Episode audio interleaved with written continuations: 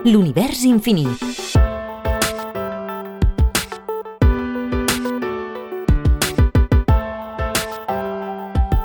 Agrupació Astronòmica de Sabadell. Thomas Wright i la forma de la Via Làctia. Thomas Wright va ser el primer home en descriure la forma de la Via Làctia, contemplada des de la Terra, i en especular que algunes nebuloses tènues observades eren galàxies distants. De totes maneres, algunes de les seves idees se li atribueixen al filòsof Immanuel Kant, ja que va ser qui elaborar-les més detalladament. Va néixer el 1711 a Byers Green, Gran Bretanya, sent el tercer fill de John i Margaret Wright. Primerament, va ser educat a casa, ja que patia impediment de parla. A més, el seu pare pensava que estava boig i va cremar tots els llibres que la seva mare li havia proporcionat per evitar que estudiés. Després, va estudiar a la King James First Academy. El 1725 va aprendre a fabricar rellotges i més endavant va continuar estudiant pel seu compte. També va fer cursos sobre matemàtiques i navegació en una escola gratuïta a la parròquia de Gateshead, fundada pel doctor Theophilus Pickering.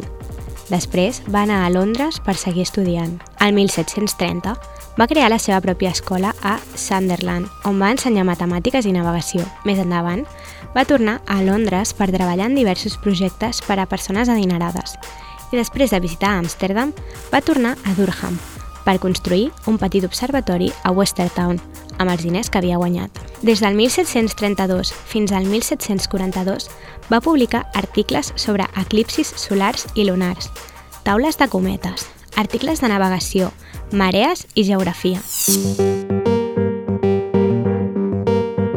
En el camp de l'astronomia, és conegut per la publicació del seu llibre Una teoria original o nova hipòtesi de l'univers, l'any 1750 en el qual explicava l'aparença de la Via Làctia com un efecte òptic degut a la nostra posició, relativament propera al centre de la galàxia, però vista des d'un pla horitzontal de la mateixa. També pensava que moltes tènues nebuloses eren realment galàxies increïblement llunyanes.